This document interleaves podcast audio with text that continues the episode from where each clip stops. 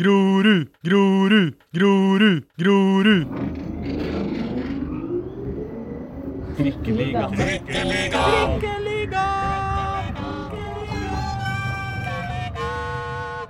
Hei, velkommen til Trikkeligaen sesong to, episode to. Jeg heter Aslak Borgersrud. Her borte har vi Håkon Thon. Hei! Og eh, i dag, for første gang, eh, gjest. Ikke drømmegjesten, kanskje, men uh, en uh, jævlig hyggelig fyr og uh, en eh, god fotballtrener. Eirik Kjøne, velkommen til eh, oss. Takk for det. Hyggelig å bli invitert. Ja. Eh, du er trener i uh, Grorud. Det stemmer. Eh, og da lurer jeg på liksom eh, Jeg er jo litt nervøs for å intervjue folk eh, generelt. eh, Ja, det eh, skjønner men jeg. Det- er du en sånn fotballtrener som, som kjefter mye på folk? Jeg vil si nei, men jeg tror nok eh, noen av spillerne er litt uenig i det. Det varierer litt. Jeg er ganske emosjonell. Stort sett rolig, avslappa, eh, kontrollert. Og så, kan jeg bli forbanna og, og smelle til eh, av og til på trening eller, eller i pausen eller etter kamp. Jeg synes Det høres så rart ut å være fotballspiller. For det er liksom Altså, altså, Hvis jeg gjør en dårlig jobb på jobben min, liksom, så er det kanskje fordi jeg har vært lat. liksom, at jeg ikke har, altså hvis jeg virkelig, Noen ganger så bare gjør jeg feil, og da skjønner jo stort sett folk at jeg gjør feil. Men liksom hvis jeg har vært lat, så ja, ja, det kan være litt døvt, liksom. Men, men det er, ja, du bomma på en pasning, og så får du kjeft. Nei, det, det er sjeldent jeg kjefter over Det er kanskje i kamp at jeg kan bli litt frustrert på det, men, men hvis jeg smeller til å kjefte på trening, Ja. så er det fordi det er, eh, det er sløvt, de er ikke helt på. De trenger liksom å bli, bli vekka. Eller så er det bare utrolig dårlig. Og det, det er sjelden jeg føler at i dag er det helt ræva. Men det er mest den hvis de ikke følger med, da, skal gi en beskjed, de prater med noen andre, eller, eller noen bare er helt av, så kan jeg smelle til. Men det er ikke sånn på hver feil så gir jeg kjeft. Og det er mer som hvis, hvis de spiller Candy Crush mens du prøver å prate, eller liksom da ja, hvis, hvis de gjør det, da, da tror jeg de nesten må finne seg en ny klubb. Altså, da, da har de ikke rett folk. Men det som er deilig med å være trener på, på det nivået vi er på, da, er at alle som er der, er jo veldig motiverte. Alle vil jo være der. Mm. Uh, og det er veldig mange som ikke er der, som vil være der. Ja. Det, er ikke, det er ikke en skoleklasse der du må møte opp fordi du må gå på skolen, og du hater skolen. Det finnes ikke. Hvis folk heller vil eh, gjøre noe annet, eh, spille Candy Crush eller noen andre ting, så får de lov til det. Eh, og, det er dessverre også veldig mange som har lyst til å være der, som ikke får lov til å være der. Så jeg har denne makten til å bare si Vet du hva, hvis du ikke, hvis du ikke er interessert, hvis ikke du vil, så finn deg noe annet å gjøre. Heldigvis er både jeg og Håkon her også fordi vi vil. Eh, I hvert fall, i hvert fall i dag. Sånn, sånn Ja, men jeg tok fra telefonen her og begynte å, å bla litt, og så så jeg bare Eirik ga meg blikket, og da la jeg vekk med en gang. Jeg ble litt livredd, jeg. Ja, det er ikke, ikke kødd mens jeg prater, Håkon. Nei. Nei. Nei, men da er det kanskje trygt, så da kan vi begynne Da må vi begynne vi, vi, det, Disse stakkars lytterne som ikke, som ikke veit hvem du er, uh, Eirik. Liksom, hvis du skal tenke tilbake til du var barn og spilte fotball, Mhm. husker du liksom det første sjølmålet du skårte? Nei, ikke selvmålet. Det Jeg vet ikke om jeg har skåret selvmål, egentlig. Eller en eller annen gang du, du gjorde det skikkelig dårlig, liksom? Vet ikke om han har skåret selvmål. Det er klart han har skåret et selvmål. Det, det kan godt være, men ikke som er, ikke som jeg brent seg fast i minnet. Jeg har mange dårlige opplevelser på fotballen. Det, det Men var du, er som du sier, sånn, du har jo aldri slått meg som en sånn fyr som egentlig kjefter. Du virker ganske rolig på benken som trener i utgangspunktet. På benken også. Eh, Ja, eller sånn, det finnes folk som er eh, Eller som jeg sa til Aslak her før, eller i går, at når du eh, Hvis man står ved siden av benken, så får man med seg at det på en måte At du kjefter oss med litt, men på en måte utseendet ditt, hele eh, fysiske tilstedeværelsen din, tilsier ikke at du er en sånn derre brøleape, liksom. Men, men som jeg sa, du har jo åpenbart temperament, men hadde du det når du var når du spilte selv òg, og helt fra du var liten, eller hvordan fotballspiller var du, på en måte? Jeg er ganske lik eh, fotballtype som trenertype. Med at eh, sånn, i garderoben prater mye og tuller mye. Eh, godt humør. Eh, men det er noe med når det blir konkurranse, så bare blir jeg så revet med. Og, og på banen også så var jeg en, en fyr som prata veldig mye, kjefta mye og litt for mye irritert på dommer og, og styrte mye på midtbanen eller som, som høyreback. Så Eh, så ganske lik type. Jeg tror mange som kjenner meg godt, eh, vil si at, eh, at jeg er annerledes på og utenfor banen. Det er ganske stor forskjell. Men hvor er vi da? Sånn, eh, da du var barn og spilte fotball, hvor eh, Er det Start, eller? Er det, Nei, eh, nei men Kristiansand. Det er Kristiansand. Eh, og i Våg, fra Vågsbygd. Oh, ja. Så vokste opp der. Vågsbygd, det er litt sånn uh, tøffingbydel, er det ikke det? Den er delt opp i flere deler. Hvor du har Tøffing, du har, du har Gettoen, som er Voiebyen. Mm. Eh, men så har du også Andøya, som er litt fin med det strøk. Og Og der er du fra. Der er jeg fra. Rekkehus på Andøya. Men det er ulike, ulike områder. Men jeg er ikke, jeg er ikke vokst opp i, i den tøffeste gettoen. det er ikke. Men hvis du, var, hvis du kjefta og, og smelte på de andre spillerne og sånn eh, da du var barn Du er jo ikke sånn veldig stor fyr nå, var du det da du, da du var liten? Nei. eh, Jeg har aldri vært en, en stor, eh, sterk, robust eh, fyr. Det har jeg ikke. Så du var den bitte lille bikkja som liksom gneldrer alt? Gneldra litt og knurra litt på, på dommeren og fikk eh, veldig ofte gul kort av dommeren. Det er veldig viktig at, det er veldig viktig at akkurat han spilleren er god. Ja. Hvis han spilleren ikke er god, da er han fryktelig slitsom å ha på laget, altså.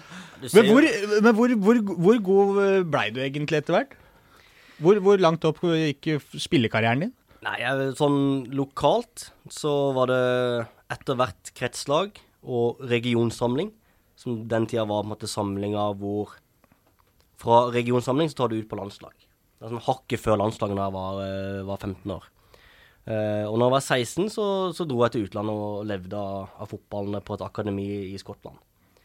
Uh, kom hjem to år senere uh, med halen mellom beina. Og- Hvor, hvorfor med halen mellom beina?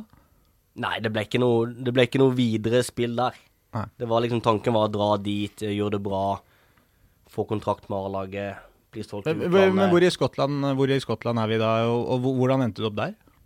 Da er vi i, eh, i Falkirk, som den tida var i, i, i skotsk Premier League. Ja. Uh, og vi hadde en trener i Våg som, uh, som hadde spilt i Skottland tidligere, som hadde noen, noen kontakter. Og, og vi, hadde, vi var et veldig bra kull. 91-kull i Våg var, var bra nasjonalt. Og vi hadde mange gode spillere. Så vi var fem spillere fra 91-kullet som dro over dit egentlig på, for å lære Mm. Et eh, treningsopphold en uke med, med den klubben der. Og så var de veldig imponert, så de samme fem ble invitert tilbake seks måneder senere. Og så, og så ble jeg og en av mine beste kompiser tilbudt eh, kontrakt da, med klubben. Da du var 15? Da var jeg 15, men jeg flytta når jeg var 16. Så jeg klarte å fullføre eh, ungdomsskolen. Og så droppa jeg, jeg droppa videregående skole, og så levde jeg fotballen to år nede i Skottland. Var du da aleine eller med familie? Nei, Ja, da var jeg helt alene. Men uh, jeg bodde hos en, eh, en familie vi ble litt kjent med underveis i prøvespill. Uh, så jeg bodde der første året, Mm. og så bodde jeg alene andre året. Så det er klart, det, det var en ganske brå overgang. For å spille med Du spiller jo med klassekamerater på et kompislag i Våg. Ja. Med pappaen til han ene fyren som trener. Og så skal du plutselig være fulltidsproff eh, i utlandet. Ja. Med nytt språk, ny kultur, eh, doble treningsøkter. Det er ikke så jævlig lett det språket der heller. Nei, nei, det er tar litt tid før du skjønner hva de prater om Ja. uh, i, i Skottland. Jeg tok, uh, helt seriøst, tok det kanskje fire måneder før jeg skjønte hva noen sa i garderoben.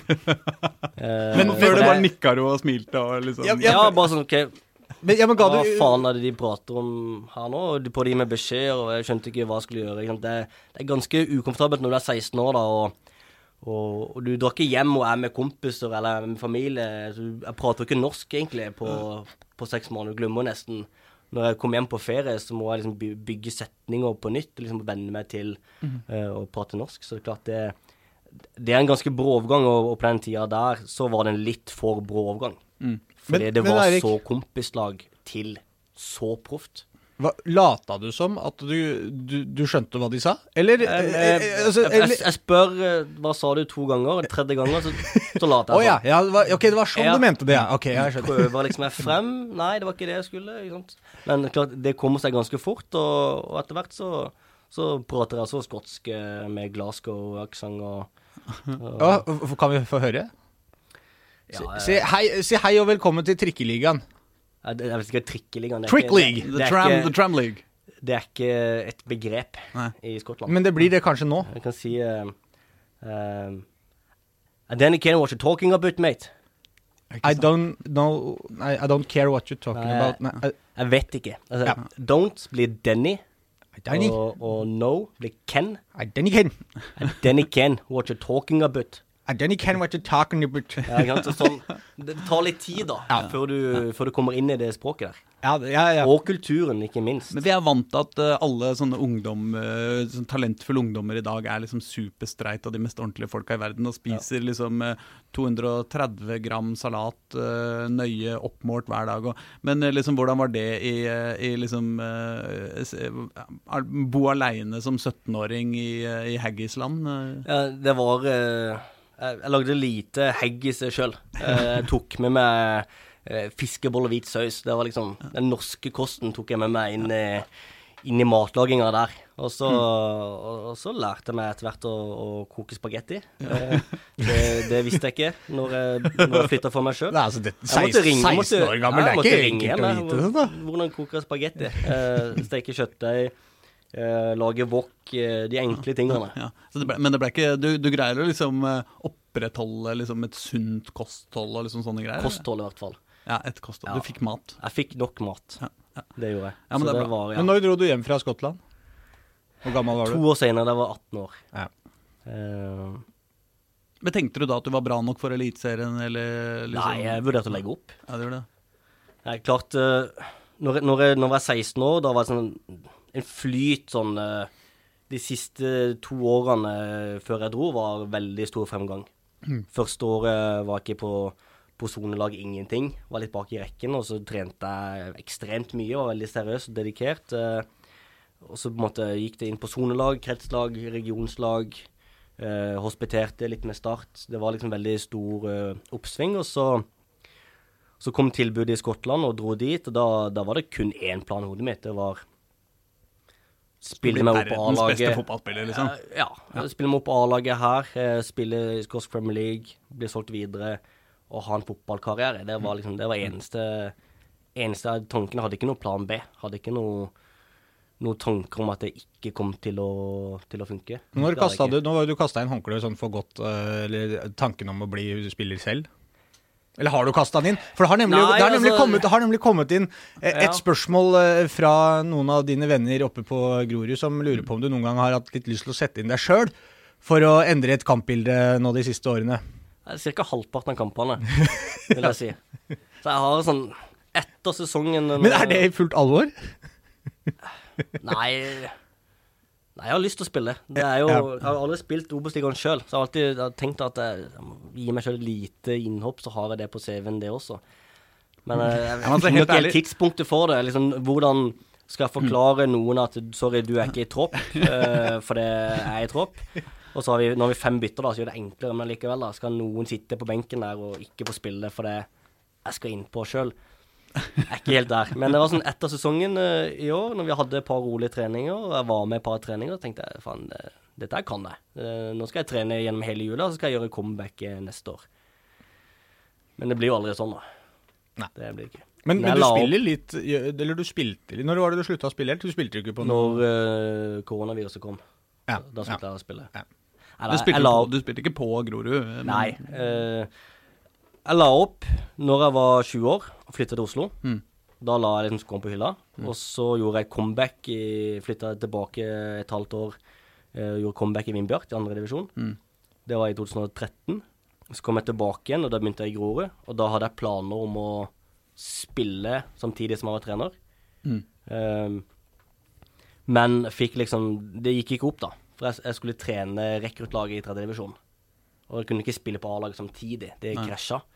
Eh, men da var jeg spillende trener på det rekruttlaget i tredje divisjon Mm. i, i to-tre sesonger. Og fikk en del innhopp på A-laget andre divisjon. Mm. Men det var, sånn, det var sånn halvveis. Jeg hadde lagt det opp. Jeg var jo trener. Spilte litt av og til. Så da var det litt, litt av det. Og når jeg tok over som, eh, som hovedtrener sjøl, så har jeg verken spilt på trening eller treningskamper. Ingenting. Men da har, du, da har du eh, Da du la opp som 20-åring, Ja. var det liksom eh, deppers og du var eh, Livet er håpløst, eller var det da fordi du liksom eh, Nei, det er trener du skal bli, eller? Nei, da var det først eh, Altså, livet var ikke helt håpløst, det var det ikke, men, men da var jeg da var jeg ganske lei av fotballen. Mm.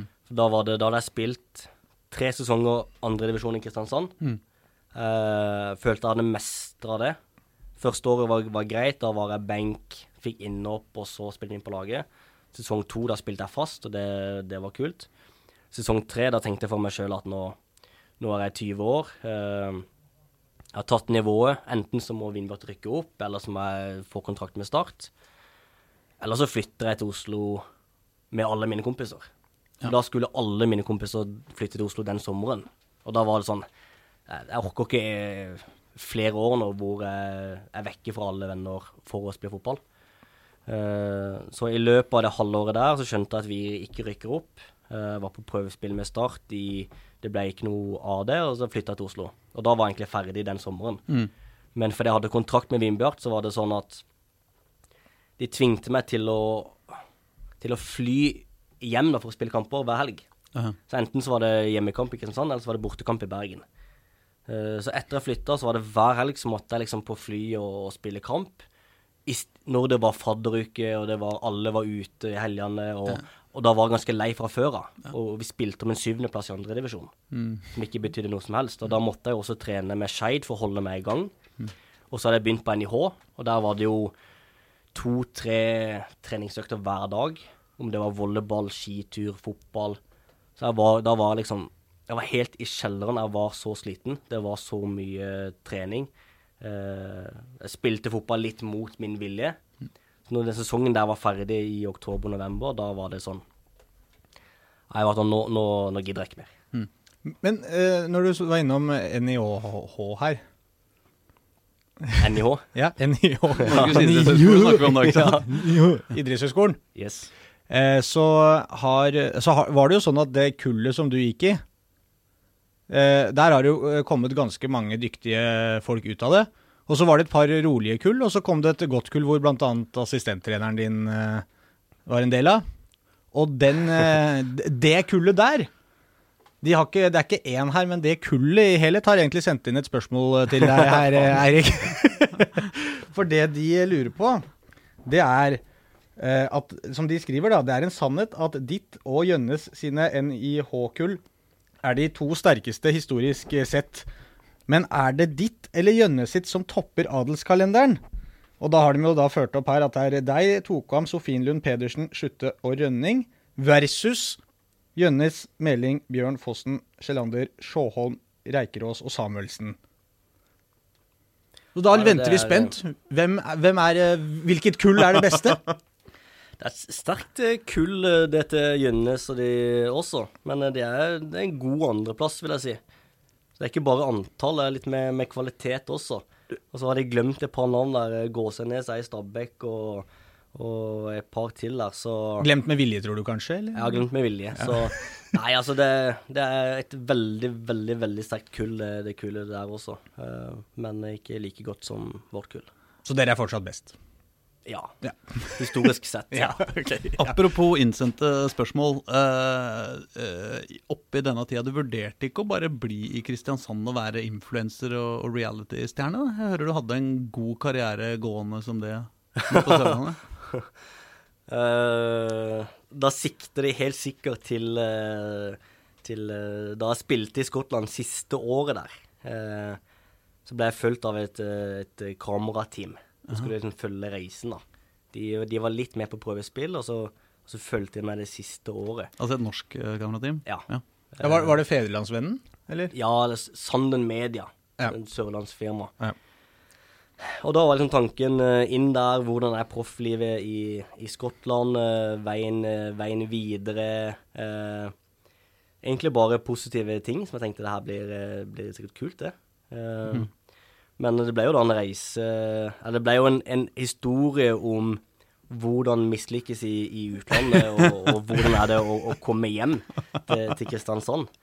Eh, som, som da ble selvfølgelig vist på nett-TV etter at jeg hadde kommet hjem da, og begynt eh, på videregående skole. Som jeg da måtte ta Ja, selvfølgelig eh, jeg, fikk hoppe over første klasse, for det tok jeg som privatist. Mm. Så jeg begynte rett i andre klasse, men jeg gikk jo med, med det kullet som var ett år yngre. mens den serien rulla på TV, da. Uh, Fotballdrømmen som brast, den, sånn, tror jeg var, var overskriften på, på den serien der. Er han taperen borte på bakerste benk i klasserommet. Liksom. Ja, Han som går kullet ett år yngre, tok første som Ja, privatist han- og bare Han skulle jo bli superstjerne. han som må gå om igjen eh, andre klasse her, som, eh, som, som feila i utlandet. Nei, det, Er det mulig det, å finne var, det var litt sånn Jeg tenkte at det her er ikke Før jeg dro hjem igjen, så var det, tenkte jeg faen, det her er kjipt. Og, øh, og før jeg begynte og, og den serien der, men, men det gikk egentlig veldig greit. Det var aldri noe problem å, å komme tilbake. Skal vi hoppe til, skal vi hoppe til trener, eh, bare kjapt her, fordi at eh, nå har vi på en måte tatt barndommen, eh, Skottland, mm. idrettshøyskolen. Øh, det er jo trener du er.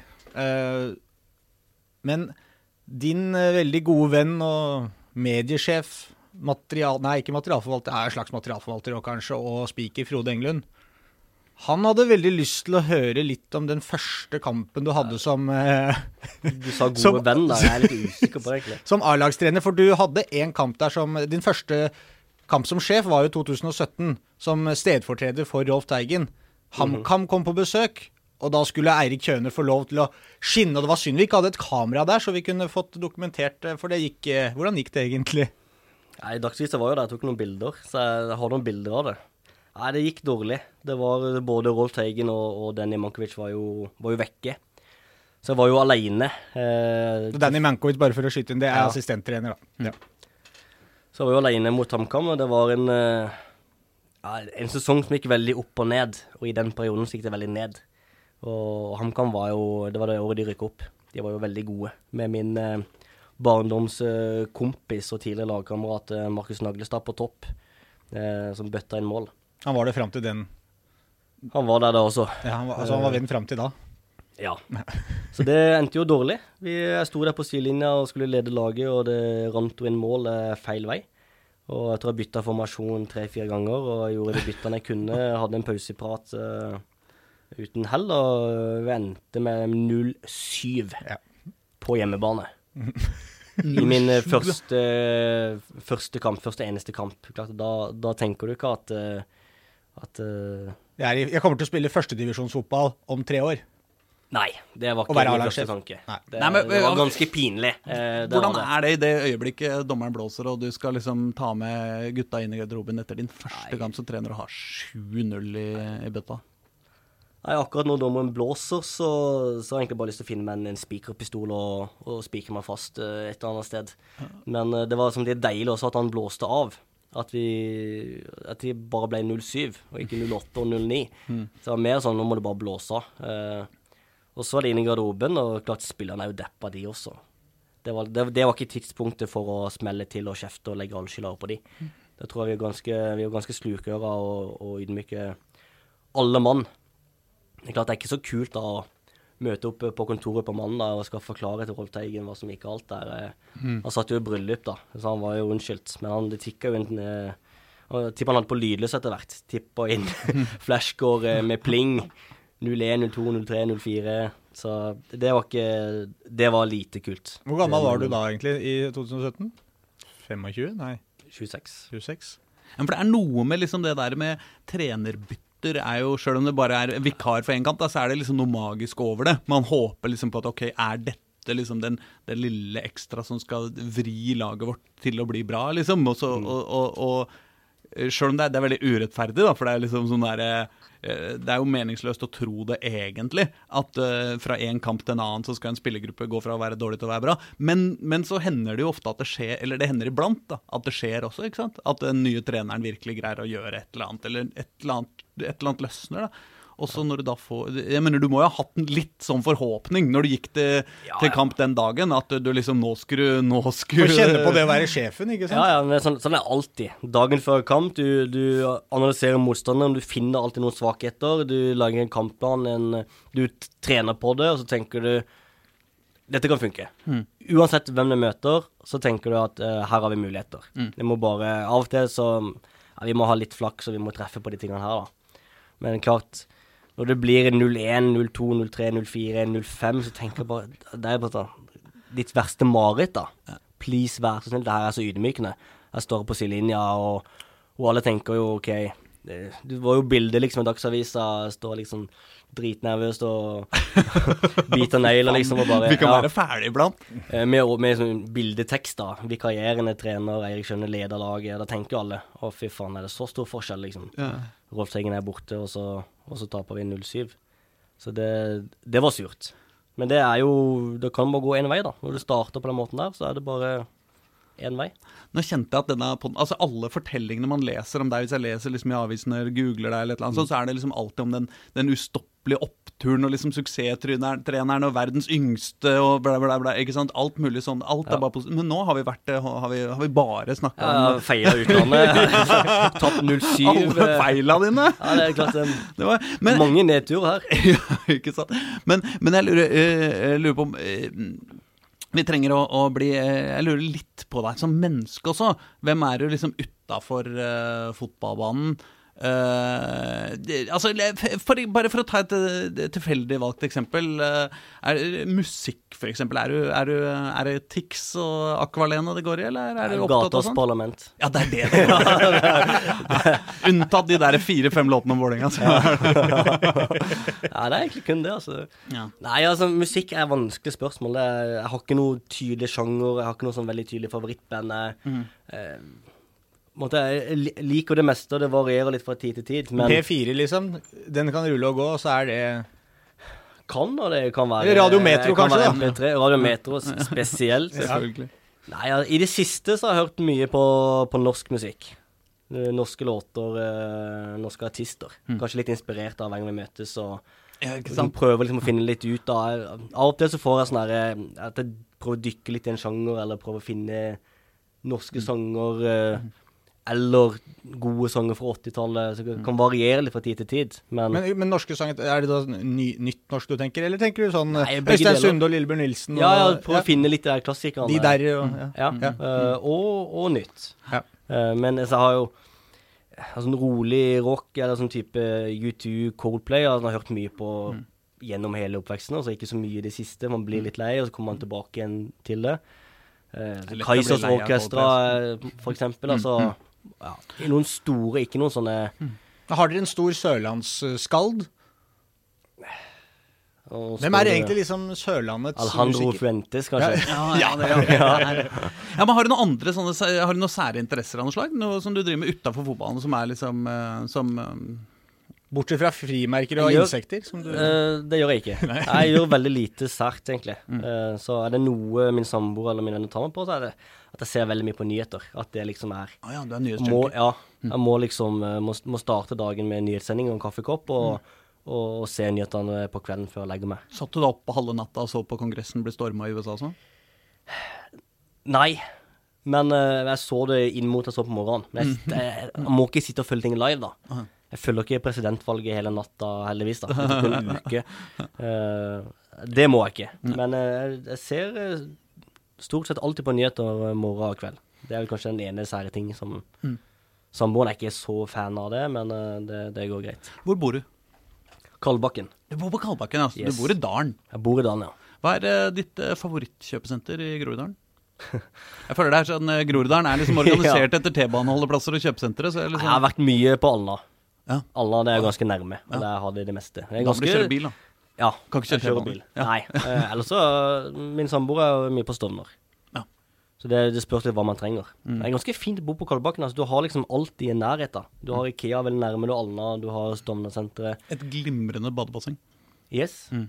Da har du treningssenter. øh, øh, man har alt man trenger eh, i veldig kort avstand. Mm. Kort vei til T-bane og, og rolig, fint område. Mm. Men nå har vi kjøpt øh, Nå flytter jeg ut av dalen, dessverre. Oh, ja. Nå kjøpte vi eh, rekkehus i, i Ski her i forrige uke. Å ja. Gratulerer. Takk for det. Eller kondolerer. ja, kanskje begge deler. Ja, ikke Så, sant? så nå, nå flytter vi litt ut. Ja, det blir lang, eh, lang reisevei, da. Ja, det blir litt lengre vei, men da kan jeg høre på dere, pod, deres podkast i bil på vei til trening. Ja. Så da er det greit. Ja. For det er ikke sånn at du da du skal bytte klubb til liksom et eller annet uti der? Til Ski eller til Follo? Ja. Klemetsrud i mitt lag er jo rett over bygrensa der, da. Så dem trenger en opptur, for de er nede i sjette divisjon. Så det kan, det kan Ja, være en fin jobb, vet du, Erik. det hadde vært fint, det. Men jeg, jeg, tror, eh, jeg tror jeg fortsetter i jobben min. Det er bra, det.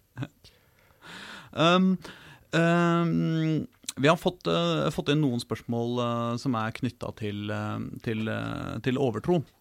Tro Ja. og overtro. Jeg ser du går i svarte bukser i dag. Hva betyr det? Nei, det betyr ikke så mye, egentlig, akkurat de sorte buksene. Det er jo kampbuksene, så det er mer en sånn kampantrekk. Ja. Men, men klart vi Vi gjorde det veldig bra i 2019. Vi gjorde det veldig bra på første halvdel eh, 2020. Mm. Og så gikk det veldig dårlig andre halvdel. Uh, og vi prøvde å finne ut av hva det var. Vi bytta litt på laget, vi bytta formasjon. Vi gjorde tiltak hele veien. Vi jobba døgnet rundt for å finne liksom Hvorfor gikk det galt? Hvordan skal vi snu trenden? Uh, helt til vår keepertrener da hadde tenkt lenge og, og sovet på det, og kom på at uh, vi bytta jo genser halvveis i sesongen. Altså hadde grå- trenings... ja, eh, liksom? Ja. Vi hadde en grå Umbro-genser eh, i 2019 og første halvdel. Da gjorde det veldig bra. Og så måtte Obos-ligalag og bedre pakke for Umbro. Plutselig får vi litt mer klær. Fikk vi nytt reiseantrekk. En hvit og mye finere genser. Mm. Men vi tapte mange kamper med den genseren. Da var det sånn at når, det, når vi skulle møte Kongsvinger og Lillestrøm på slutten der, vi måtte slå Kongsvinger. Vi måtte ta poeng mot Lillestrøm. Så tok vi ingen sjanser. Da var det tilbake igjen til den grå genseren. Og da, og da gikk det greit. Da feide dere det. Ja. med- Så nå, nå vet vi det. Nå skal vi, vi, vi må- nok eh, Jeg tror nok Umbro helst vil at vi skal fortsette med, med den nye modellen. Mhm. Så vi, vi starter sesongen med de hvite, og så vet vi at hvis det går dårlig, så kan vi alltid gå tilbake igjen til den grå. Bare for å hente oss inn et par, par seire. Men er det noe Umbro vil, så er det vel at, dere skal, at, dere, at det skal være smilende fjes over det Umbro-merket. Ja. ikke sant? Suksessen, ikke sant? det er viktig. Kanskje vi må forhandle litt med Umbro. Ja. Nei, for vi hørte at du brukte blå bukser på bortekamp, og, og svarte bukser på hjemmekamp. Nei, det, det er feil. Å, Da har du fått feil uh, informasjon. Feil informasjon. Ja. Dårlige kilder. Men Men jeg har altså bytta litt sko underveis, da, ut ifra om vi vinner eller taper. Så jeg, vi vant jo uh, uh, mot Blink. Eh, da hadde jeg joggesko. Ja. Så spilte vi mot Jerv. Nei, vi vant mot Strømmen med joggesko. Så spilte vi mot Jerv. Da, det var to grader, det var pøsregn, det var, det var, det var nesten eh, sterk kuling. Eh, stiv kuling. Og gjørme. Men eh, Og hva? På banen. Og gjørme Gjørme, ja. Mm. Eh, men jeg sto der med, med joggesko og var klissblaut. Mm. For Jeg tenkte at jeg kan ikke bytte sko. Nei. Heldigvis så tapte vi mot Jerv. Og så da kunne du bytte. Da kunne jeg bytte. Men altså, tror du på dette på ekte, eller er det en slags vits? Nei. Eh, eller det Nei. Nei. Men vi Nei er til hva? klart Det blir litt sånn Hvis det er 0,1% sannsynlighet for at det har noe å si, så tar vi ikke den sjansen her.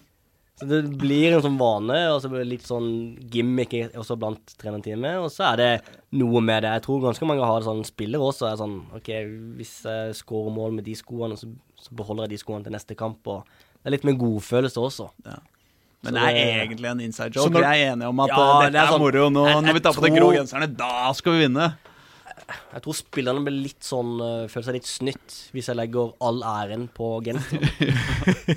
det tror jeg. Ja, hvis du står etter seieren når dere hadde bytta genser og, og, og skrøt av det.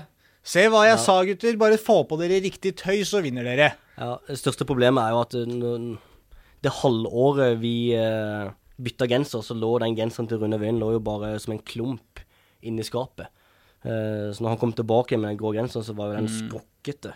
Så han burde virkelig ønske seg strykejern uh, til bursdagen sin. For den, den, den var ikke strøket, for å si det sånn. Nei. Bare en sånn tørkesnor uh, kan, kan gjøre underverker. Ja, ja kanskje det. Ja, ba, bare ikke men- opp døtten innerst i skapet. Ja, Ikke, det. ikke legg den som en ball. Eh, Det er ikke, det er ikke lurt. Rett ut av tørketrommelen og så inn i ja. Ja. Nei, men Det høres bra ut, altså. Eh, eh, Vi må snakke litt om, eh, om fotball også. Ja. Eh, på ekte. Eh, og jeg tror jo Altså, det er jo Lytterne våre er jo uh, Mange har liksom sitt lag i Oslo, og så, liker man å følge med på de andre litt sånn. Uh, men, men kanskje ikke har helt oversikt. Kanskje ikke sett så mye kamper med Grorud. Men går det an å si noe om hvordan Altså sånn noenlunde enkelt, da, men liksom Hvordan er det Hva er Kjøne-modellen, liksom? Sånn rent sånn taktisk? Hvordan er det Grorud prøver å spille? Til de som ikke har sett, eller til de som har sett? Nei, til de som, eh, ja, til de som kanskje har sett eh, liksom tre kamper i år, da. Nei, sånn Tilfeldig deg. valgt. Ja. Kort forklart, vi vi, eh, vi ønsker å dominere kamper, styre kampene, ha mye ball, spille oss bevisst til muligheter. Mm. Og ikke la det være liksom tilfeldigheter. Lang ball, andre ball. Mm. Kanskje vi lykkes. Mm. Uh, hvis vi kan. Men vi er ikke Eller jeg som trener er ikke sånn, er ikke sånn overromantisk. Mm. Det er som ikke Vi må ikke spille fin fotball. Det handler tross alt om å vinne den kampen her. Så tror jeg at vi, vi vinner eh, flere kamper hvis man har gode spillere, et godt lag, og at vi har en tydelig spillestil og noen, noen spesifikke rom vi skal komme oss inn i. Mm. Eh, fordi det, det er uendelige muligheter i en fotballkamp. Hva er mener du da når du, sier, når du sier noen spesifikke rom? Jeg mener mener kan du at, liksom jeg mener si hva at, det er? eh, Hvilke ja, ja. rom det er? Ja, det kan jeg. Uh, for vi, vi har uh, enten hurtige spisser Mm. eller eh, på en måte målfarlige, gode avsluttere. Mm. Så vi vil spille oss til sjanser der vi sender en stikker langs bakken og setter spissene våre alene med keeper, Ja. så de kan skåre mål. Mm. Det er hovedplanen. Det er hovedplanen. Mm. Eh, og da må vi komme oss i posisjon, litt høyt i banen, hvor vi kan sende de stikkerne. Og så må vi få spisser i posisjon til å løpe igjen bak. Mm. Og så må vi gjøre noen ting med spillet vårt som, må, som, gjør- som gjør- kan lokke ut motspillere ved å åpne de rommene vi vil inn i. Sånn er spillet bygd opp. Altså Hvordan- at du sender liksom midtbanespillerne dine litt ut mot sidene for å For å åpne for innvendig. Mm. Altså, vi, vi begynner med hvordan skal vi Hvordan skårer vi mål? Mm. Mange begynner sånn. Eh, mange lag i Norge er, er, er 4-3-3 med en stor, sterk spiss, Mm. eh, to kanter, eh, høye innlegg, header ballen i mål. Mm. Der er mange. Mm. Eh, og vi er ikke der. Nei. Vi slår veldig få høye innlegg. Ja. Men vi vil spille oss inn i 16 med en langs bakken og, og avslutte med, med beinet fra helst alene med keeper. Ja. Ikke sant? Ja. Og da må vi ha et spill som gjør at vi åpner de mulighetene. Eh, og ofte så vil vi ha den avgjørende pasningen fra sentralt i banen. Aha. Og der er det ofte veldig trangt. Ikke sant? For Ja. der er det ingen som vil Ja, ja. slippe oss inn der. Mm. Og da må vi uh, ha et spill som klarer å lokke ut motspillere. Kanskje vi må spille ut på kanten da, for å lokke ut, for å åpne inne. For å så komme oss inn sentralt. Så den kjedeligste jobben på Grorud er å være ving. For jobben din er bare å stå der og ha på seg en rar nese og vinke til alle og få oppmerksomheten mot deg. Ja, sånn ja, at- men så har du mye ball, og så spiller man ballen inn, og så kan du bevege deg inn for å skåre mål også. Men Erik, du, du slår meg jo som, eh, som en eh, hva skal jeg kalle en dynamisk trener, på en måte. Altså, du du Ja. liker jo å eh, og du liker jo utfordringer, som du har sagt. Du liker på en måte Når du møter Strømmen, f.eks., så liker du veldig godt å møte dem fordi du ikke helt vet hva som kommer. Ja. Det setter deg på prøve. Du får testa deg som fotballtrener. Og, og Når du snakker om at du vil komme og finne de riktige rommene, de rommene som du spør om sånn Hvilke rom er det helt konkret? De rommene varierer jo også eh, fra kamp til kamp og kan det gjøre. Hvis et lag, hvis du helt åpenbart vet at det er en svakhet i det rommet der ute på kanten der hos dem, så prøver vi å utnytte det. Hvis du ser liksom forskjellen mellom Grorud og KFM f.eks., som KFM som har en sånn veldig tydelig spillestil, og de spiller egentlig, vil spille samme fotballen mot Uh, egentlig alle motstanderne de møter, Ja. så varierer Grorud veldig både med, både med hvem som på en måte får spille, og det er også basert på hvem, som de, hvem de møter. Og Det der eh, har jo slått meg med at du, du, Og du liker det veldig godt, å få den derre utfordringa. Og som når jeg var der oppe den uka, så skulle dere møte Ranheim, og du og assistenttreneren din, Johan, var ikke sånn superbegeistra over det der, den uka hvor dere måtte jobbe med 4-3-3. Altså den derre trønderversjonen av 4-3-3 som du var litt oppgitt på at alle lag fra Trondheim skulle, skulle spille. Men øh, hva, hva, syns du egentlig, hva syns du egentlig om den? Om Ranheim? Ja, om den 4-3-3-formasjonen. For spilte Jeg ikke fu- jeg kan jo fullføre det som, som eh, Ja, vi, altså liker, vi liker å tilpasse litt ut ifra motstander, det gjør vi. Ja. Eh, men ikke sånn Men fortsatt innenfor spillestilen. Ja. Men det er noe av det gøyeste med å være trener. Det er å uh, studere neste motstander, se Mm. hva gjør de, hvilke hull er det de åpner opp, mm. og så formidle det til spillerne, vise video. Så her er det mulighet. Hvis vi gjør sånn, hvis vi spiller den opp der, så kan vi komme oss inn i det hullet, og da kan vi inn bak den stopperen. Eller den kampen her, så må vi gjøre litt andre ting. Mm. Eh, og kanskje så må vi bare ligge og forsvare oss lavt nesten hele kampen. Fordi neste motstander er dårlig på å håndtere kontringer. Mm.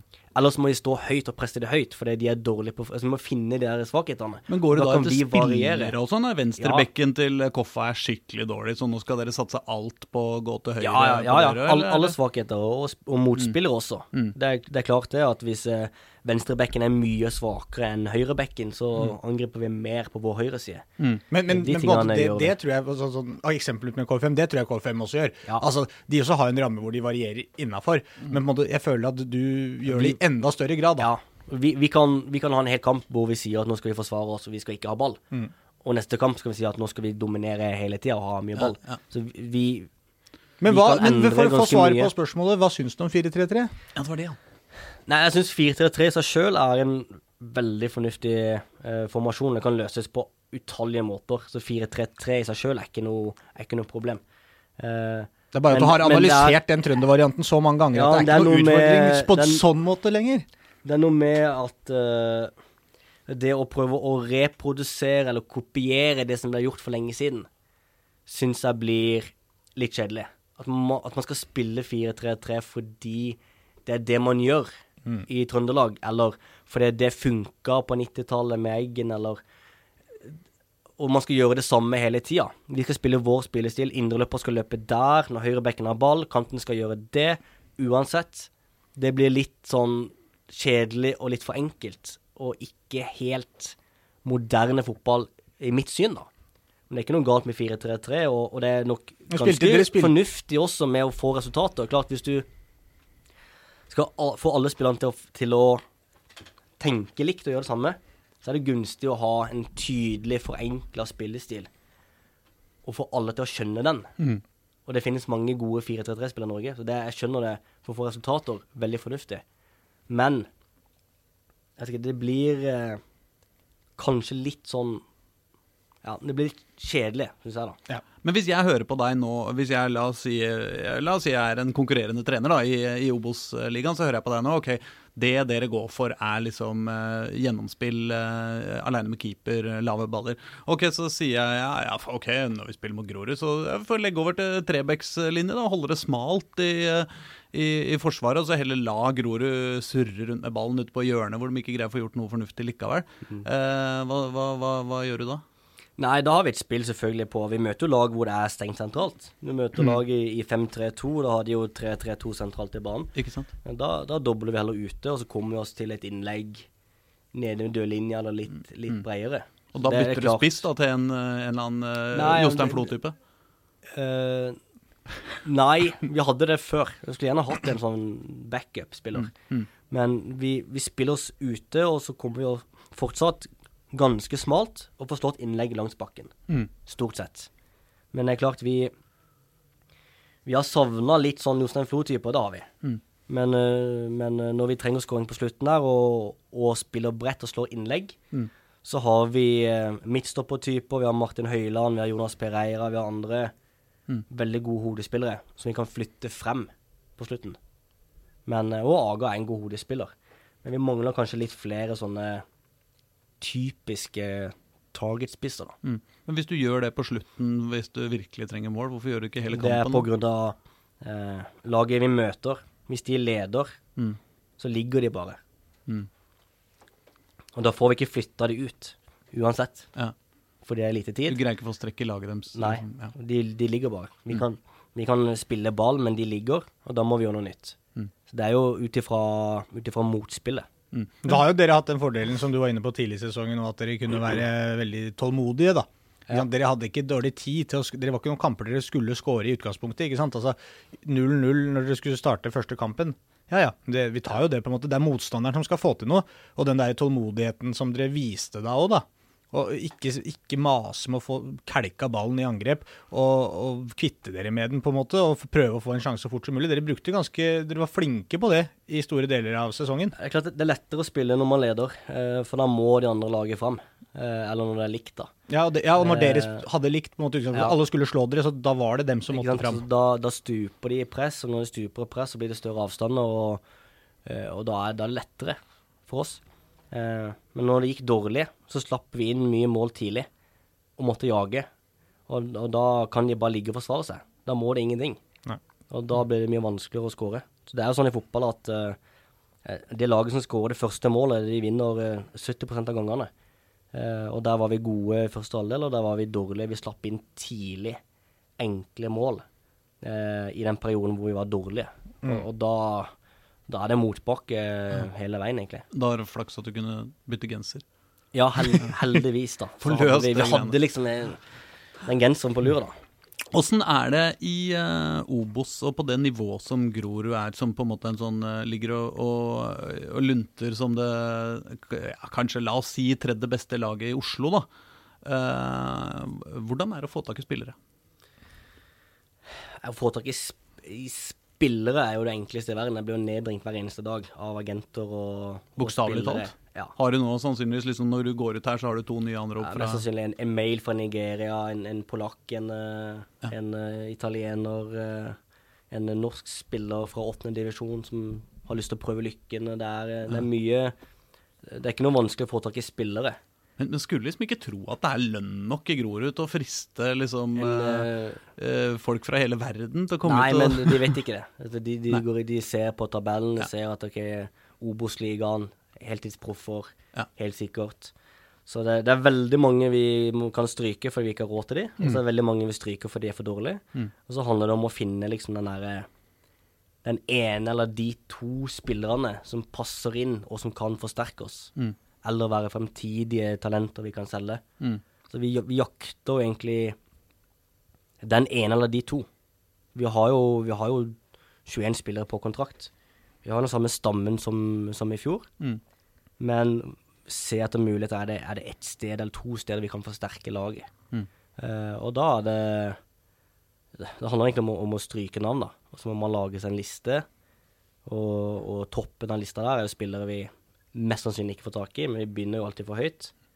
Og så må man måtte stryke noen navn, og så ender man kanskje på én-to spillere inn. Men har du liksom noe å Altså, hva, hva, har, hva har du å tilby i konkurransen, liksom? Jeg, jeg, jeg regner liksom ikke med at det har så innmari mye lønn å, å, å komme med til at liksom eh, men, men er, det, er det det å bo i Oslo som folk syns er stas? Altså, jeg mener, Det- er det eh, spillere som Det, de hjelper, de hjelper å, å bo i Oslo. Det er klart Mm. det er mange studenter som kommer for å studere, eller eh, lett å finne jobb, eller hvis de har med seg kona si, så kan hun finne seg jobb enkelt. og Det er mange Mm. fordeler, men det er også veldig dyrt å bo. Mm. Det er ingen som kan komme til oss uh, og, og leie en leilighet uh, og leve med lønna de får. Det er jo ingen som, ingen som kan det. Oh ja. Så vi må finne noen, noen muligheter her. Men det, det vi kan tilby, er jo For mange så er det gode spillere på jakt etter å spille fast. Eh, Obos-liga. Ja. Vi er et springbrett. Altså, du kommer til oss, du, du blir ikke rik eh, når du spiller for oss, Mm.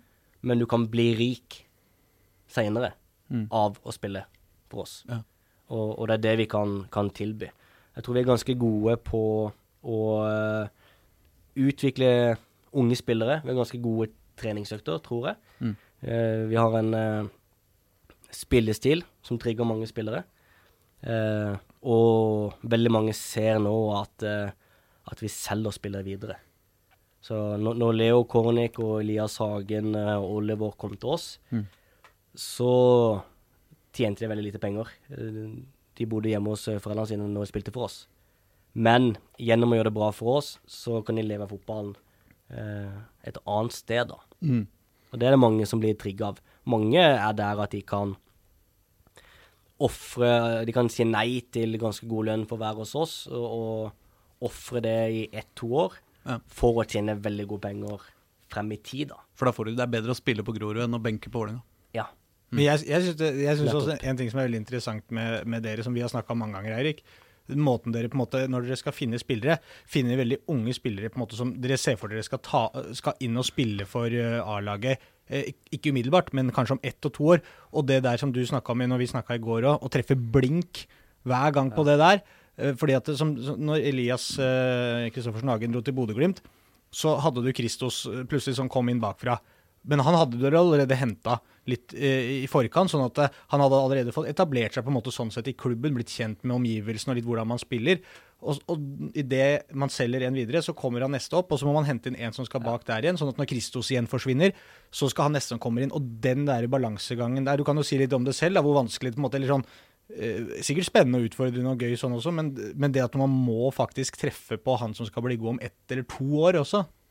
Det er klart, Kunsten i, i god logistikk er jo å hente inn eh, erstatteren før vi selger. Eh, og, men samtidig, hvis du har et veldig ungt lovende talent i klubben som skal opp og spille, så kan du ikke ha to-tre spillere som blokkerer vei. Som hele tida har en plan på når du skal selge, og hvem skal ta over. Og, det kan du ikke begynne med etter du har solgt. Da er du for seint ute. Eh, så Og så er det vanskelig å planlegge det i detaljer. Eh, kanskje solgte vi Elias Hagen et halvt år for tidlig. At eh, han burde vært en hel sesong, og så hadde Christo spilt i år. Som et eksempel, da. Nå var Kristus veldig god. Eh, vi henta jo Fredrik eh, Karlsson Pedersen i sommer.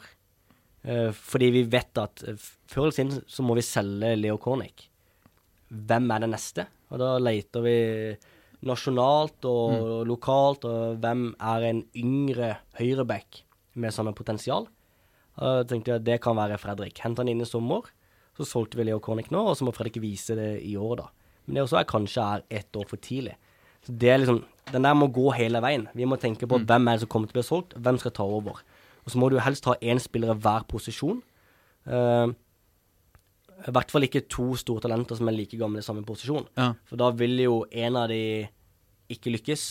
Og det er liksom typisk eh, Det er jo veldig vanlig i alle toppklubber i Norge og, og internasjonalt at de kan ta til seg så mange at de kan liksom OK, vi har tre spillere, vi har tre høyrebacker, og så, og så ser vi bare hvem av de som lykkes. Og så leier du den andre til Belgia. Ja, eller så kan han eh, Så får han ny kontrakt, og så er han ut igjen, ikke sant. Uh, og det er, jo, det er jo i det markedet der, eh, den posisjonen vi har tatt nå, Mm. på at vi kan tilby faktisk noe mer enn Vålerenga og Stabæk og Lillestrøm. Mm. Uh, fordi det å være Det å spille fast Obos-liga er bedre enn å være nummer to Vålerenga eller benk Vålerenga. Eh, og når Vålerenga har to høyrebacker som er 16 år gamle, så kan vi kanskje hente den ene, og så de sånn rett opp A-laget. Mens der er det bare juniorspiller. Så vi kan liksom Vi begynner å tilby noe til unge spillere som er konkurransedyktig med de beste klubbene i Norge. Fordi vi henter de tidlig opp A-laget, tidlig i Obos-liga. Vi gir de proffkontrakter, eh, som er et bedre tilbud enn å være i, i toppklubb, da. Er det mye moralske dilemmaer knytta til det der, der med, med de der unge, yngste spillerne, når du er rundt øh, ikke sant, ser uh, fotball på den der kunstgressbanen nede på Kalbakken da, fordi du kjeder deg en ettermiddag, og så ser du en skikkelig god 13-åring, liksom. eller, eller en, en som du bare Det lyser superstjerne av, som er øh, 14 15. Er, hva gjør du da? Eh, Da, da må jeg finne ut av hvilken klubb han tilhører, og så må vi prate med klubben om vi får lov til å hente han spiller på prøvespill, og hvis de tillater det, så kan vi signere de. Men kan du det med en 13-åring, liksom? Ja, du kan signere 13 du kan signere altså eh, Du kan jo signere spillere på alle alderstrinn. Mm. I hvert fall en 13-åring. Ja, Det er ingen begrensninger på 13-åringer. Det er det ikke. Men så er det den moralske norske grensa går vel i, i 12-13-årsalderen. ja. Når du blir ungdom, så, så kan man satse litt mer, og før det så så skal man stort sett være i sin barndomsklubb. Men nå, men nå, sier er du, det nå antyder du at uh, du egentlig syns vi er litt moralister her til lands, eller? I utlandet så er det annerledes, og det- det er ikke riktig heller. Men uh, nå endrer de reglene i utlandet også. Mm. Men i, i utlandet så har du toppklubber som scouter femåringer Ja. og seksåringer. Altså ser kamper og speider de og henter de til en toppklubb. Mm. Det, det gjør de i utlandet. Eh, I Norge så er det mer spillerne sjøl, foreldrene sjøl, som er de verste. Ja. Det er foreldrene som, uh, som scouter klubber, Mm. og som flytter barna sine til den beste klubben Mm. for at de skal bli best mulig. Mm. Uh, og så er det opp til, til oss da å ha dialog med alle klubbene rundt oss, Mm. som passer på at hvis en tolvåring ikke har et godt nok tilbud i den klubben han er i, så kanskje han, han kan komme til oss. Mm. Eller hvis en tolvåring vil komme til oss, men det vil rasere hele laget, så dropper vi det. Ja. Så det handler om en god dialog med, med klubbene rundt oss. For vi vil jo det beste for alle spillerne. Mm. Men er det noen dilemmaer her, liksom? Er det, kjenner du litt på det iblant, liksom sånne typer? Eller er det, det, det er kanskje andre i De- klubben de- deg som driver med det? Det er klart det er dilemmaer. De største dilemmaene er vel kanskje når en eh, Kanskje en, en veldig god elleveåring eh, som er superstjerne på sitt lag, og som Mm. ikke har et godt nok tilbud i sin klubb, Mm. eh, vil til oss. Mm. Eh, for vi har ganske bra opplegg eh, i barne- og ungdomsfotballen. Så ser vi at det er det rette for han spilleren, men, men klubben nekter, og, og eh, det vil kanskje ødelegge for det laget. Mm. Da må han spilleren bli.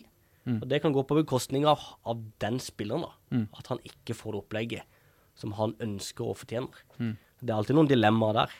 Det, det er helt klart. Jeg Det er ikke så mye Det er ikke det er, det er Vilde og Torgeir som sitter med de her daglig. Jeg har jobba en del med det der før, men, men klart det, det, det er ganske mange vanskelige dilemmaer nedover i, i barne- og ungdomsfotballen. Det er det. Men jeg føler bare det passer bra å ta spørsmålet til eh, Øystein eh, Karlsen her, kanskje, Aslak? Ja! Skal vi fyre løs det? ja, Øystein Karlsen på Twitter skriver Grorud satser altfor ungt. Hva er din kommentar til det? Ja, Det er jo ikke et spørsmål, det er en faktasetning. Ja, det er vel Han han har slengt på eh, Han mener vel det, var et spørsmålstegn for for å Men, eh, men er, eh, har han noe Det spørs i forhold til hva. I forhold til å rykke direkte opp for Obos-ligaen, ja. I forhold til å uh, utvikle unge spillere uh, for å bli bedre på sikt, så usikkert. Men jeg tror optimalt sett så har vi nok eh, litt for mange unge spillere, litt for mange uerfarne spillere. mm. Jeg tror den, den kombinasjonen av litt flere eldre, litt flere veldig gode spillere og litt færre unggutter, Mm. eh, men en, en to, tre, fire som hele tida spiller mye. Altså i, et, i, et, I en elver så bør det være en miks av eh, en del rutinerte, gode spillere og unge spillere. Mm. Ikke bare unge spillere, ikke bare gamle spillere. Mm. Altså, vi har en ganske fin balanse der, men, uh, men i år så har vi kanskje vært uh, for mange på samme tid. Vi har vært det yngste laget i Norge. Eh, og kanskje det er for mange i garderoben at det blir litt mer sånn de unge og de eldre. Ja. Det kan være. Publikum elsker det jo vanligvis eh, når det er mye unge spillere. Ja. fordi jeg mener, hva lever vi på, vi fotballfans, annet enn håpet om én gang? Hva som skal skje én gang, er jo mye viktigere for oss på en måte enn hva som skjer nå ofte. Ja, ja. Liksom Drømmen om at den derre 17-åringen skal bli eh, Vi er på en måte ofte mer opptatt av 17-åringen som kanskje kan bli noe, enn 26-åringen som er god allerede. Jeg vet ikke om Øyvind Karlsen er, da, eller Øystein Karlsen, hva han heter. Men, eh, men klart, det, det spørs jo Kanskje han er en 28 år gammel, ganske god fotballspiller. Ja, som, ikke sant? som har sendt mail som jeg ikke har svart på. Det kan godt være. Men vi, alle klubber er jo ulike. Mm. noen har en Vi har ulike strategier, ulike visjoner og, og, og verdier. Og en viktig strategi for vår del er jo å, å scoute og signere veldig store talenter. Mm.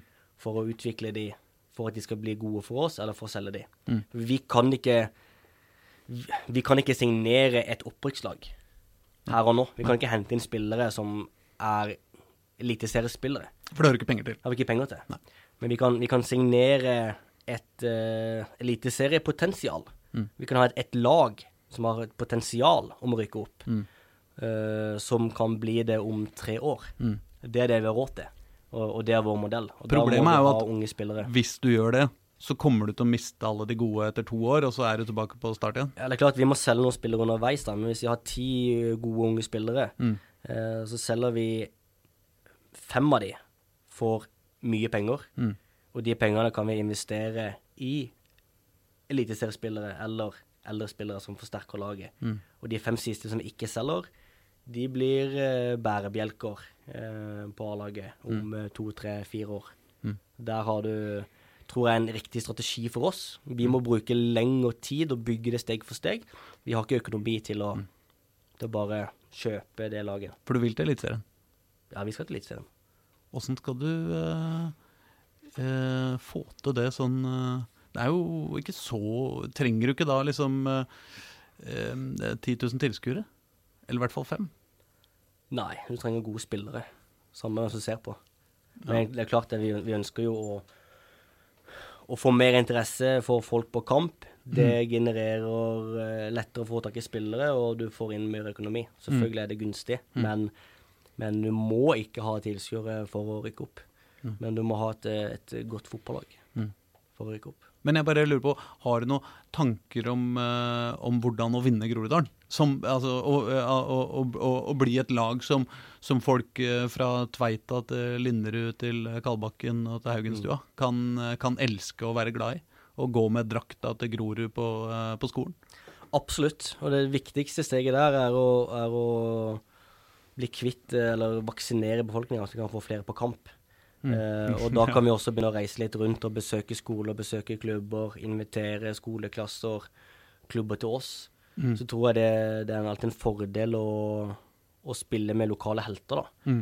Eh, Spille med, med helter fra Romsås. Eh, Elias Hagen var jo Veitvet-gutt. Vi har fortsatt eh, to Veitvet-gutter på laget. Eh, vi har Omar Bolli Sadek fra, fra Romsås. eh, et par fra Stovner. Ikke sant? Og veldig mange av våre spillere de jobber jo som lærere på barneskoler i Groruddalen. Og er jo store, store forbilder. Hvis de da tar med seg de på kamp, så begynner man å skape en interesse. Vi har sett det i år. Selv om det har vært maks 200, og vi har fått en egen supporterklubb.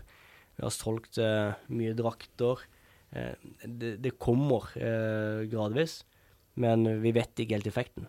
For det har vært eh, begrensa antall eh, tilskuere hele veien. Så må man jo tenke litt på eh, altså, hvor man vil, men også så, Hvis man snakker om Eliteserien høres uoppnåelig ut på et vis. Man trenger tilskuere, man trenger penger. Eh, men på en måte førstedivisjon hørtes ganske uoppnåelig ut eh, den dagen du kom til Grorud òg. Ja. Og inn i en rønne av et klubbhus eh, med en sliten gressmatte. Og bare alt det som har skjedd på de ja, Hvor mange år er det du har vært der nå? Er det sju? Syv, ja. Ja. På de åra som du har vært der. Ikke at, det, ikke at det klubbhuset sånn sett, at de hadde sikkert kommet uansett, kanskje, og sånne ting, men allikevel. Det er noe med at når man bygger en kultur der Det var mye høl i junioravdelinga, mange kull, mange aldersklasser som ikke hadde noe lag. Det var jo en litt sånn Klubben, klubben sleit jo litt grann, før man på en måte klarte å, å få inn litt folk da, som hadde lyst til å få til noe der. Ja, det er klart det. Det, det var lite som det var en ganske eh, vanlig drabantbyklubb, for å si det sånn, da, Ja, i. Oslo. Ja, absolutt. Det var veldig lite der som, eh, som tyder på toppfotball. Ja. Uh, uten tvil. Og det har skjedd ekstremt mye på ti år. Og det har skjedd mye bare de siste fem årene også. Uh, men jeg tror det er viktig å sette seg høye mål da, og ha noe du må, du må ha en drøm da, som gir energi i hverdagen. Noe i drømmer om. Eh, og det var Obos-ligaen, ikke sant. Eh, og nå har vi klart det, og nå, nå ønsker vi å, å rykke opp et steg videre. Men det er ikke noe krav fra supporter eller fra media eller fra klubben eller noe som helst. Men det er en drøm som gir motivasjon.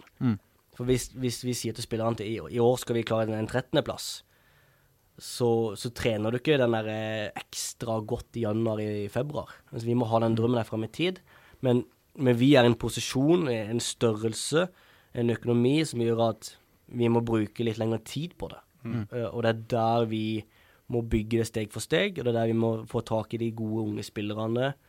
Beholde de, utvikle de, selge et par for å få økonomi. Vi må, vi må øke inn markedsinntekter. Vi må bygge anlegg, som vi har gjort nå, mye i det siste, men mer. Altså bygge stein på stein, da, hele veien. Bare, Det passer bra på Grorud også. Eh, Ja. Yes. ja, du skulle et sted, Håkon. Ja, nei, jeg bare tenkte jeg skulle, mens vi var inne på trenergjerning og Ja. taktikk og formasjoner og det, det du driver med rent faglig, så har du vært involvert i NFF også. Ja. Uh, kan du ikke bare fortelle litt om hva rollen din har vært der? For du, er vel, du har vel gitt deg der nå, mer eller mindre, har du ikke det? Jeg har gitt og gitt meg. Uh, Ja, jeg har, har gjort eh, motstanderanalyse for, uh, for A-landslaget eh, under eh, Perry og Lagerbäck. Eh, og da har jobben vært det å få et, eh, en nasjon som de skal møte i, i gruppespillet. En eller to nasjoner. Eh, og så er det å se kamper av de, an analysere kamper av de, men også først og fremst reise og se de live. Eh, for det, når Norge skal, skal møte Malta i kamp to i en sånn eh, landslagspause, så spiller Malta samtidig med Norge, eh, og de får ikke sett de live, da. Ja. Så da, da reiser jeg ned til Malta, og så er jeg der i to dager, og så ser jeg kampen live. Og så ligger jeg på stranda dag to, og så, og så reiser jeg hjem. Eh, og det gjorde jeg i, i hele 2019, og i, i 2020 så kunne jeg ikke reise pga. korona. Eh, og da ble det egentlig bare å se det på video. Så lager jeg en presentasjon, jeg undersøker litt i, hva står i media, eh, tropp, spillere, formasjon, hvordan er trenerne, en del sånn informasjon. Så lager jeg en, en, eh, en powerpoint på det, og så, så møter jeg Perry og, og lager back eh, en ukes tid før, før samling, eh, og går gjennom det jeg har sett. Og så ser de kamper, de også, selvfølgelig. Mm. Men, men de får ikke sett det live, da. Så det er den lille forskjellen, da. Og så hadde jo du ansvaret for, at, for å analysere Israel, som var en mulig motstander for Norge. Ja, og Skottland. Eh, Ja, og Skottland, ja. Men det ble jo ingen av dem. nei, Skottland var lett. Nei, Skottland er lett, men klart eh, Snakker jo språket, vet du. Jeg har jo lagt Nei, Jeg dro jo og så Skottland eh, eh, vinteren 20, eh, 2019, da. Når jeg visste at det, eller, jeg visste at det her kan bli aktuelt. Så da, det bruker mye tid. Veldig mange timer på analyse. Eh, dra til Skottland. Når du er på kamp Når du, når du er på kamp i Skottland, på arenaen der Jeg får jo alltid eh, VIP-billetter eh, når jeg sitter på tribunen. Eh, og der er det eh, påbudt med dress. Du må ha dress. Ja. Dressko, du må ha slips. Du kommer ikke inn uten dress og slips. Fy. Eh, og det er jo ikke det varmeste. Eh, så klart å sitte der en vinter i, i bikkjekaldt og, og vind, som det kan være i, i Skottland, og sitte og analysere en kamp live og hakke tenner som en hakkespett, det var eh, eh, bortkasta nå, da. I ettertid. Ja. ja. Ja, fordi de kampene blir jo aldri spilt. de blir aldri spilt. Norge eh, kommer ikke til EM. Nei, så det er liksom OK. eh, Powerpoint, uh, slett. Eh, ganske mange timer. Uh, både de og Israel. Jeg bare, kom sånn på, jeg bare kom på, apropos sitte i dress sånn, uh, hvis du må det. Uh, hvis, har du bunad? Det er bare hatt. Men kunne du hatt bunad? Nei. Jeg tenker sånn, Hvis du er sånn sjeik fra eh, Saudi-Arabia og sånn, de får jo ofte lov til å komme i eh, på en måte, sin eh, nasjonaldrakt på et vis. Du burde vel fått lov til telle å som nasjonaldrakt, altså, men Ja, nei, personell i hvert er fall. det Nei, jeg vet ikke. Jeg, tror. jeg ville ikke tenkt det. Nei, nei, jeg tenker det at det er nasjonaldrakt. Det- det, det men- kan kunne være, men, det, bunad, ja. Det, Ja, Ja, for litt varmere. Litt, en skikkelig varm bunad. Jeg er fra Norge, jeg nekter å stille i dress. Mm. Jeg skal gå i bunad. Men, men dere, vi må, vi må gjennom noen eh, Det, det har vært så mye innsendte spørsmål. Ja. Så vi, må, vi har noen eh, eh, som eh, vi kan ta litt kjapt. Eh, Anders eh, Webb eh, spør f.eks.: Hva er målet for sesongen? Nei, målet er å, å gjøre det bedre enn i fjor. Vi må bygge videre. 13.-plass, altså. Det er det det går for? Nei, vi var 13 i fjor. Ja, 12. 12. 12 er du eller fornøyd? bedre. Helst bedre. Men, eh, men eh, bygge videre på våre prestasjoner og eh, forbedres på alle områder i hele klubben, egentlig. Mm, Eh, Men som for A-laget sin del, så er det egentlig bare å, å komme høyere på tabellen enn det var i fjor. Men det var en stund det lukta av at det kunne bli opprykkskvalik, sjøl om det i, fra Obos er en, eh, en Det er mange Ja, det er som kommer dit, og Ja. det er mye eh, det, det, det betyr ikke akkurat at du er uh, opprykka opp, men eh, På sikt så skal vi klare en, en kvalik, og ganske snart. Mm. Men uh, i år så handler det bare om å ha litt mer stabile prestasjoner og ta litt mer jevnt med poeng, og, og komme høyere på tabellen enn i fjor. En som spør eh, hva eh, Trond Aukland spør eh, hvem frykter Grorud mest i Obos-ligaen, og hvorfor er det Start? Nei, det, det er jo fordi jeg stilte samme spørsmålet til Start i, i forrige uke i en podkast der nede. Ja, ikke sant? Eh, men klart Start er et av de beste lagene, hvis ikke det beste. Så vi kan jo frykte eh, Start reelt, da. Mm. Men jeg tror ikke Start frykter oss like mye som vi frykter Start. Men, men det er klart, vi gleder oss ekstremt mye til å møte Start. Ja, du Og gleder deg vel personlig, ja, kanskje? eller? personlig, og, og vi har jo en assistent. eh, Johan er jo fra Sørlandet. Vi har Martin Høiland, vi har Sindre Osestad. Mm. Så vi, vi har en del sørlendinger som gleder seg til Sør Arena. Men har du, har du vært på Sør Arena som altså, i form av trener eller spiller eller Jeg har vært på et uh, prøvespill med Start, Ja. uh, og da var det gress. Nydelig gressmatte. Ja. Men jeg har aldri vært der i en, eh, i en kampsituasjon inne på arenaen. Det har jeg ikke vært. Det må jo bli litt, altså litt kult, da. Det blir kult. Ja. Jeg husker jo dere var når dere spilte bare når dere spilte mot Fredrikstad. Uh, I an, Nei. Jo. i andre divisjon. Ja. Ja. Da, da dere var på Fredrikstad stadion der òg, så snakka vi litt om det at det er jo liksom, det er kult å komme på disse store arenaene, på en måte, selv om det ikke er fullsatt, og, og liksom kjenne litt på, på disse flotte Være en del av I hvert fall når det er tilskuere. Ja. Ikke sant? Ja, ja. Det, det er klart vi gleder oss alltid til, til de store arenaene, og Sør Arena er jo en av de, en av de fineste. Mm. Så det, det blir stas. Eh, nytt spørsmål eh, fra, eh, fra, fra en innsendt, kanskje ikke så anonym. Det var en gang i, i årets sesong, sånn jeg forsto det, hvor Grorud fikk straffe. Og idet den sikreste straffeskytteren i, i Norge omtrent går opp og skal ta det, så fyrer spikeren av målsangen. altså den jubelsangen som alltid spilles når dere scorer mål, før straffa er tatt. Eh, og da ryktes det at det gikk et, eh, det gikk et litt eh, illsint blikk fra trenerbenken opp mot spikertårnet, holdt jeg på å si. Ja, Det er klart at eh, du har én Du har én jobb, da, som speaker. Uh, og det er å spille riktig musikk når man har skåret mål. Så det, det er ikke så vanskelig. Du trykker på den knappen etter at målet har kommet. Ja, ja, det skal være etter Ja, at, ja. at målet er kommet. Ja, målet? Hør etter nå, Frode!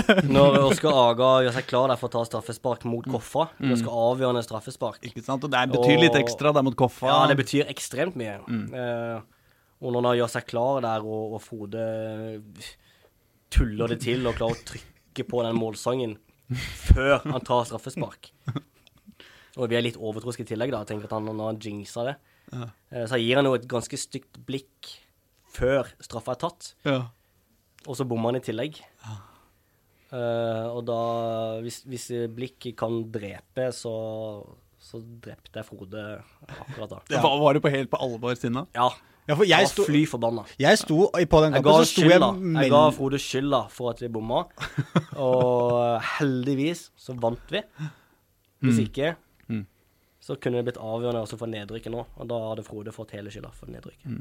For jeg husker jeg, jeg var der, da sto jeg rett ved siden av boksen til Eirik. Altså jeg sto mellom boksen til Eirik og eh, Frode i, i, ved spikeren. Og, og, og selv jeg kjente litt på Jeg havna i skuddlinja der for det blikket.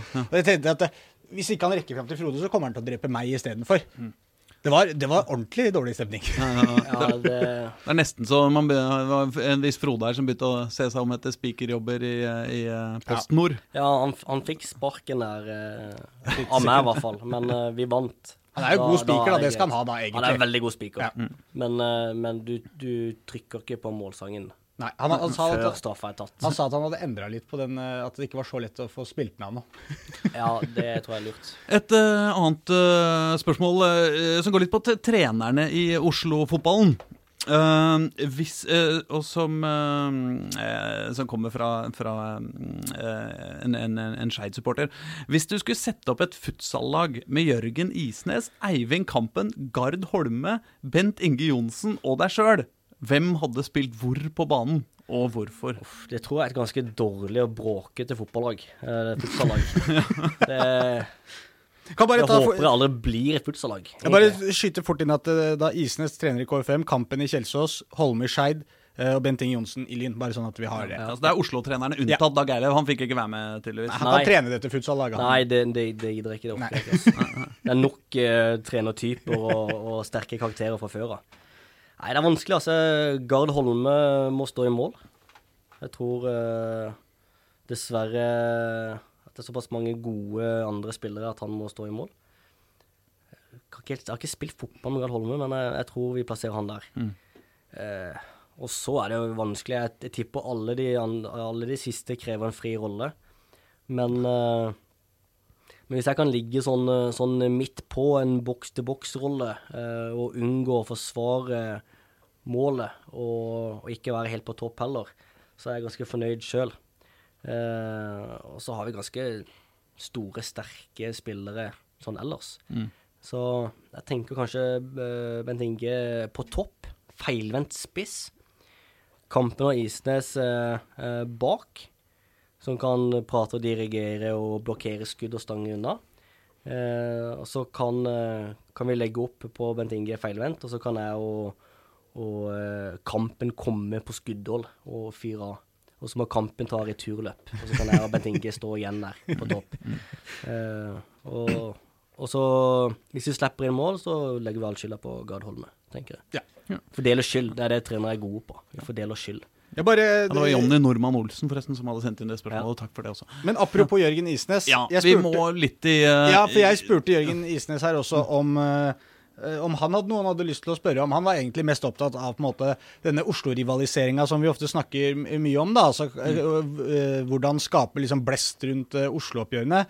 Og han spør, da, han spør deg, da, Erik. Ser han på KFUM, Grorud eller andre Oslo-oppgjør som Liverpool-Everton, altså friendly derbies, eller som Liverpool-Manchester United, mer hatoppgjør?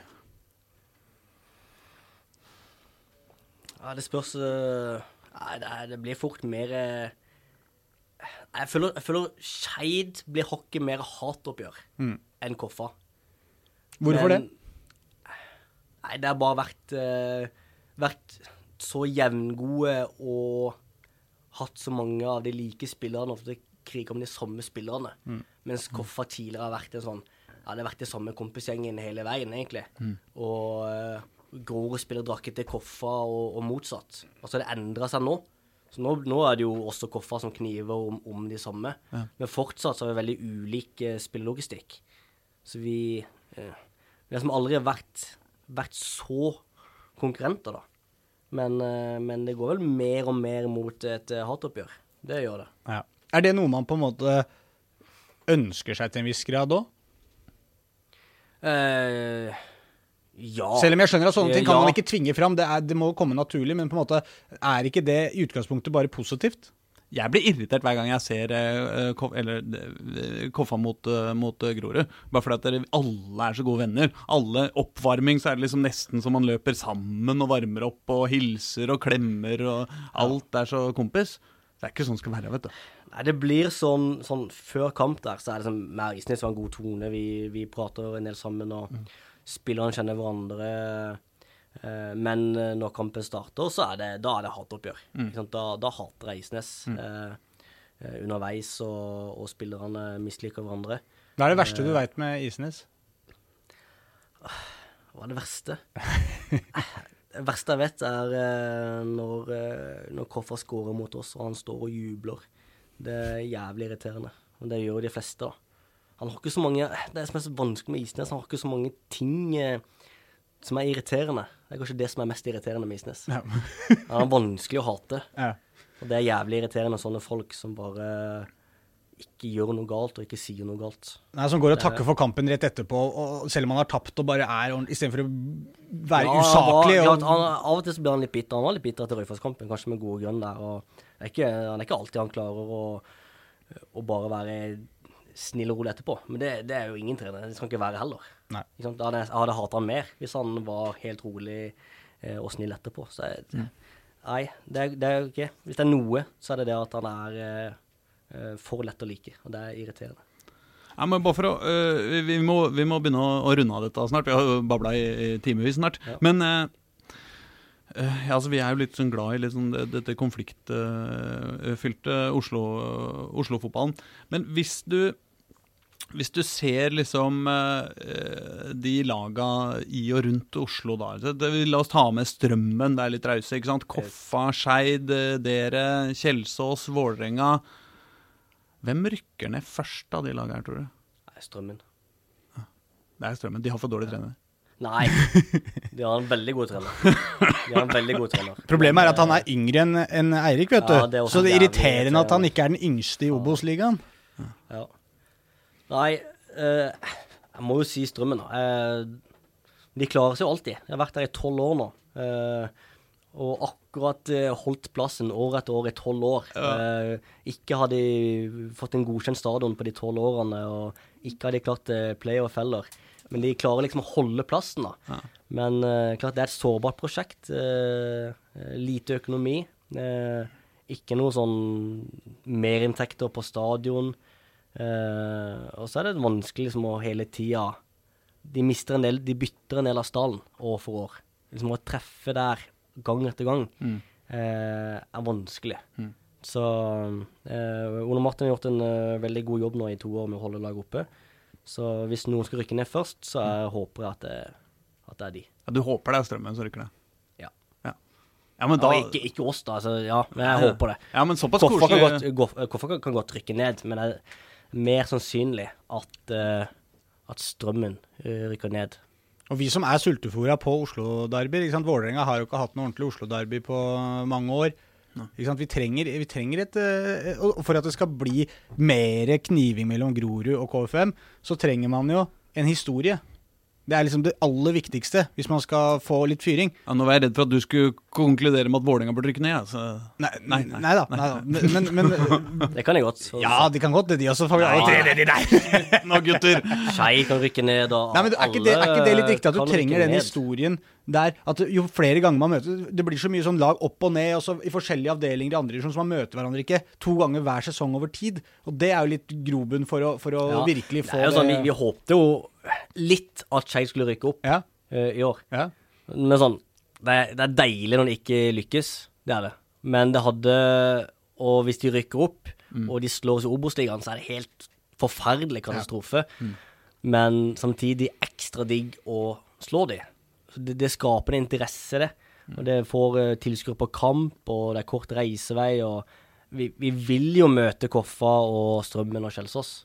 Men samtidig så Skeid kan godt rykke opp, og så kan vi slå dem, og så kan de rykke ned. ja, for dette var jo litt Altså, av noen lag må Kjelsås og Skeid kan bytte på å liksom komme opp, bli slått og rykke ned. Men det er da du spiser kake og, og, og sender konfetti i taket. Det er når Skeid rykker ned, liksom. Ja, i hvert fall eh, ja, ja, ja. Vi er ikke lei oss for det. Nei. Det, det, det er vi ikke. Det, det må jeg si.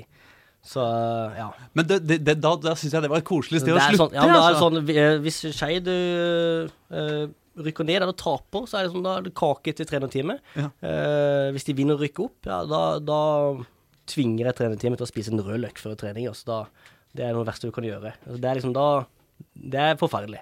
Ja, for dette, Det er dette her er jo på en måte den diskusjonen som var da Fredrikstad spilte eliteseriefotball og ønska seg eh, Var som delte på at de ville ha Sarpsborg opp, ikke sant? For at da fikk du det Østfold-derbyet. Så endte det med at de to møttes i nedrykks-opprykkskvalik, og Sarpsborg slo Fredrikstad ned. Og da er det ikke så kult lenger å ha fått Sarpsborg opp, når du ikke er der selv lenger. Helt før vi avslutter, Aslak. Det er en ting som folket på Grorud eh, krever svar på, som de har lurt på lenge. Ja. Uh, det kan hende at Har du sett hva jeg har skrevet nederst på mine egne notater her, Erik? nei, men er veldig, veldig usikker nå. Skal vi La meg bare spørre nå, deg, Nei, nei, vi, vi, la, oss, la oss holde den eh, i noen minutter til. Ja, ja. La meg bare spørre deg først, Erik. Har du tatovering? Å, fy faen. Det har jeg, vet du. Én. En. Hvor? Og hva er det? Du nytter ikke å peke i På- podkast. på ja, ryggen. på nakken, ja. ja øverst. eh. Ja, mellom skuldra et sted. Yes. Ja. Og hva er det? Det er en tatovering jeg tok i Skottland eh, på 18-årsdagen. Det er et eh, kinesisk eh, tegn, eh, og det betyr vel noe sånn som Troen på å klare det som virker umulig.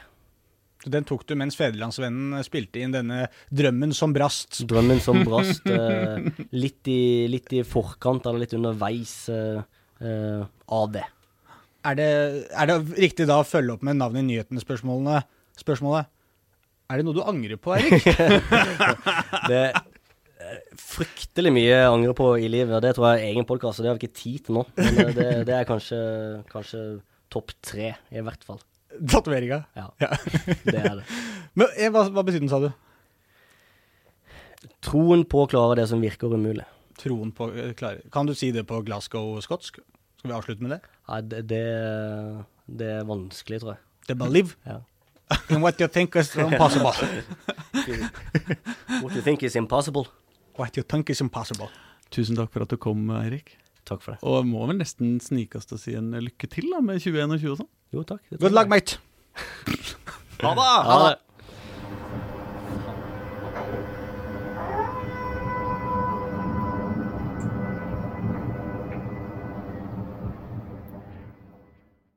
Du har hørt en podkast fra Dagsavisen. Ansvarlig redaktør heter Andreas Heen Haaland Karlsen.